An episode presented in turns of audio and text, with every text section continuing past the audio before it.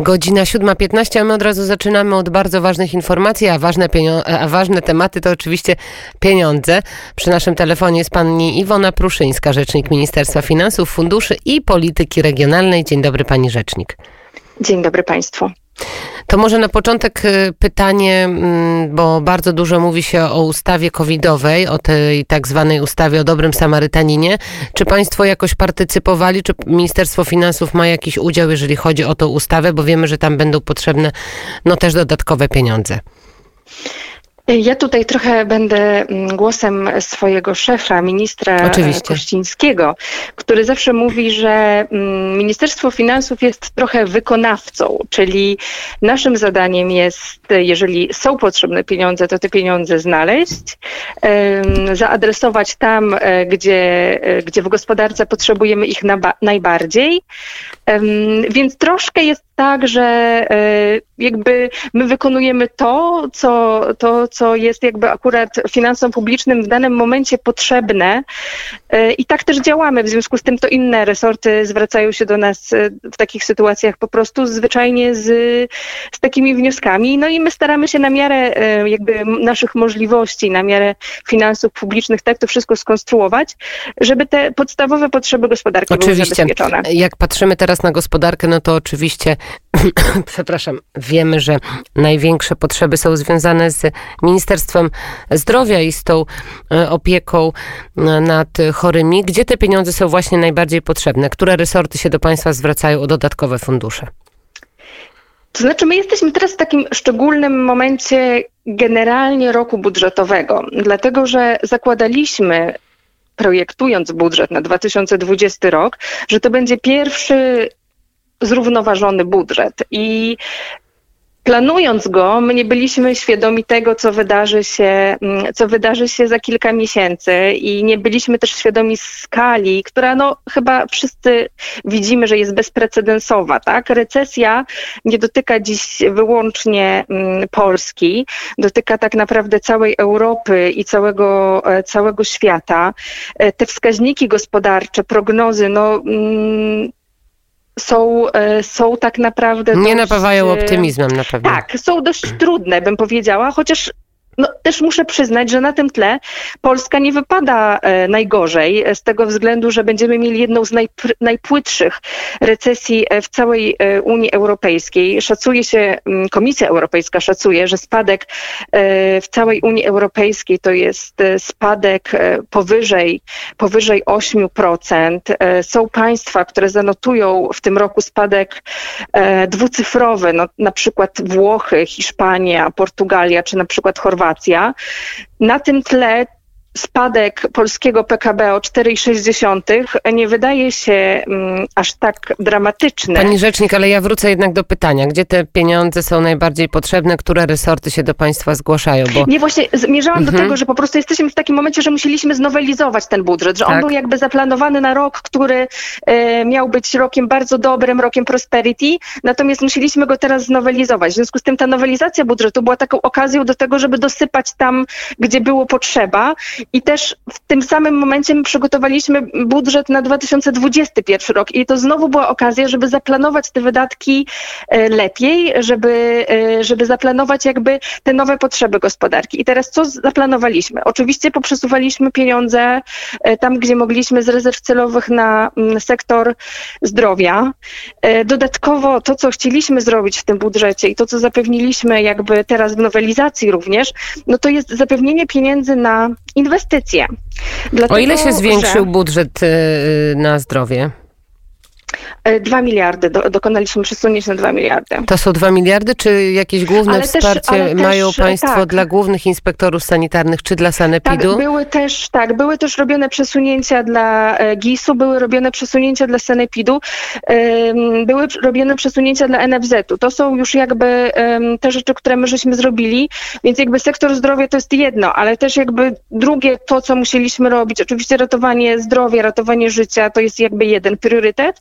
Drugi priorytet to jest jakby walka o jak najlepszy stan polskiej gospodarki, dlatego że no to też jest kluczowe, prawda? Miejsca pracy, polskie firmy, utrzymanie, utrzymanie poziomu zatrudnienia, więc jakby to jest jakby drugi obszar, w którym my bardzo intensywnie Powiedziała działamy. Powiedziała Pani o tym, że nie będzie tego zrównoważonego budżetu, to już, to już jest pewne.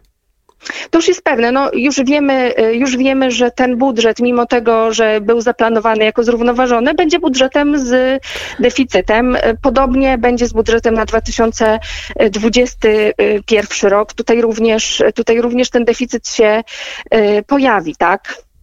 Powiedziała Pani o tym deficycie, teraz e, jest on na poziomie 13 miliardów, planowany jest e, na 109, powyżej tak. 100, 100 e, miliardów. To kiedy to nastąpi, bo już mamy wrzesień?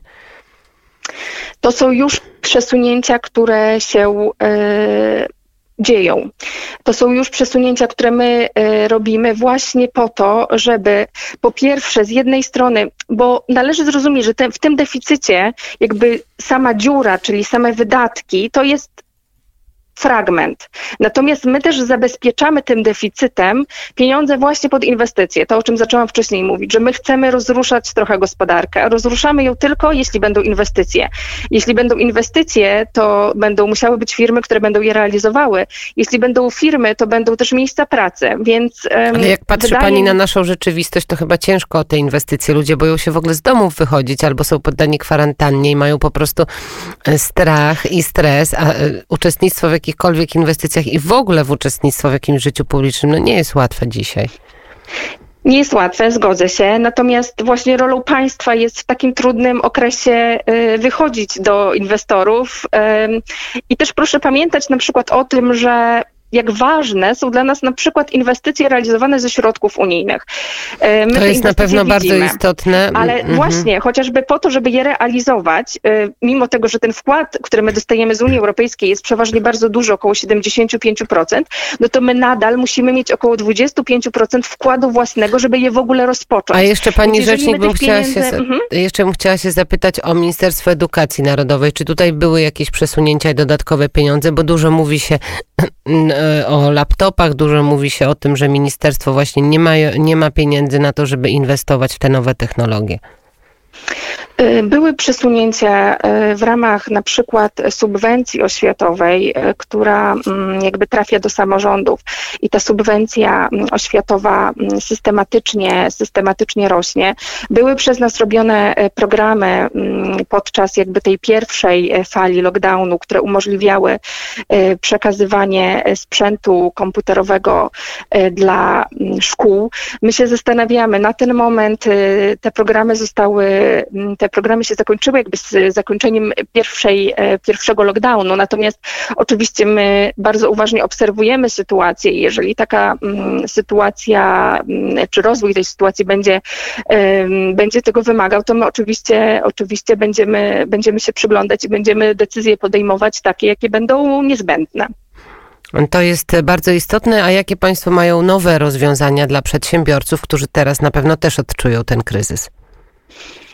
Zdecydowanie. I um, my widzimy, że kluczowym w tym momencie jest nie podejmowanie takich arbitralnych decyzji, tylko bardziej wsłuchiwanie się mm, w potrzeby rynku i w to, co mówią, w to, co mówią przedsiębiorcy, w to, co mówi biznes, bo oni najlepiej przecież wiedzą, um, co jest im potrzebne. I w tej pierwszej fali e, pandemii, kiedy, e, kiedy my się e, za pośrednictwem różnych narzędzi, też takim przez nas bardzo lubianym jest rodzaj dyskusji, którą my nazywamy dialog z biznesem. My tam komunikujemy się z różnymi branżami, tam e, jest to forum e, do takiego wyrażenia właśnie swoich poglądów, opinii, ale też potrzeb. E, wsłuchując się właśnie w ten głos, my przecież wydłużyliśmy czas na złożenie zeznania CIT i PIT. Przesunęliśmy na przykład termin do zapłacenia podatku od przychodów z budynków, czy w ogóle zawiesiliśmy w drugim półroczu podatek od sprzedaży detalicznej. Dodatkowo e, przedsiębiorcy zwracali e, się z nami, zwracali się do nas o tak zwane e, ulgi i tych wniosków ulgowych. Możemy je liczyć już w tym momencie w tysiącach, tak, to jest kilkadziesiąt tysięcy wniosków, które do nas wpłynęły. Znacząca ich część rozpatrzona, rozpatrzona pozytywnie, więc mm, wychodzimy naprzeciw przedsiębiorcom, ale też wprowadzamy, ale też wprowadzamy nowe rozwiązania, nowe rozwiązania podatkowe, takie, które wierzymy, że mm, pozwolą im na to, żeby, żeby te finanse ich firm, ich przedsiębiorstw, mimo tej trudnej sytuacji e, gospodarczej, no, rozwijały się. Bardzo dziękuję za mm, ten komentarz i za te informacje. Pani Iwona Pruszyńska, rzecznik Ministerstwa Finansów, Funduszy i Polityki Regionalnej była gościem poranka wnet. Dziękuję bardzo. Dziękuję Państwu bardzo. Miłego dnia, do usłyszenia. Do usłyszenia. Godzina 7.25 jest na naszych zegarach, a dzisiaj jest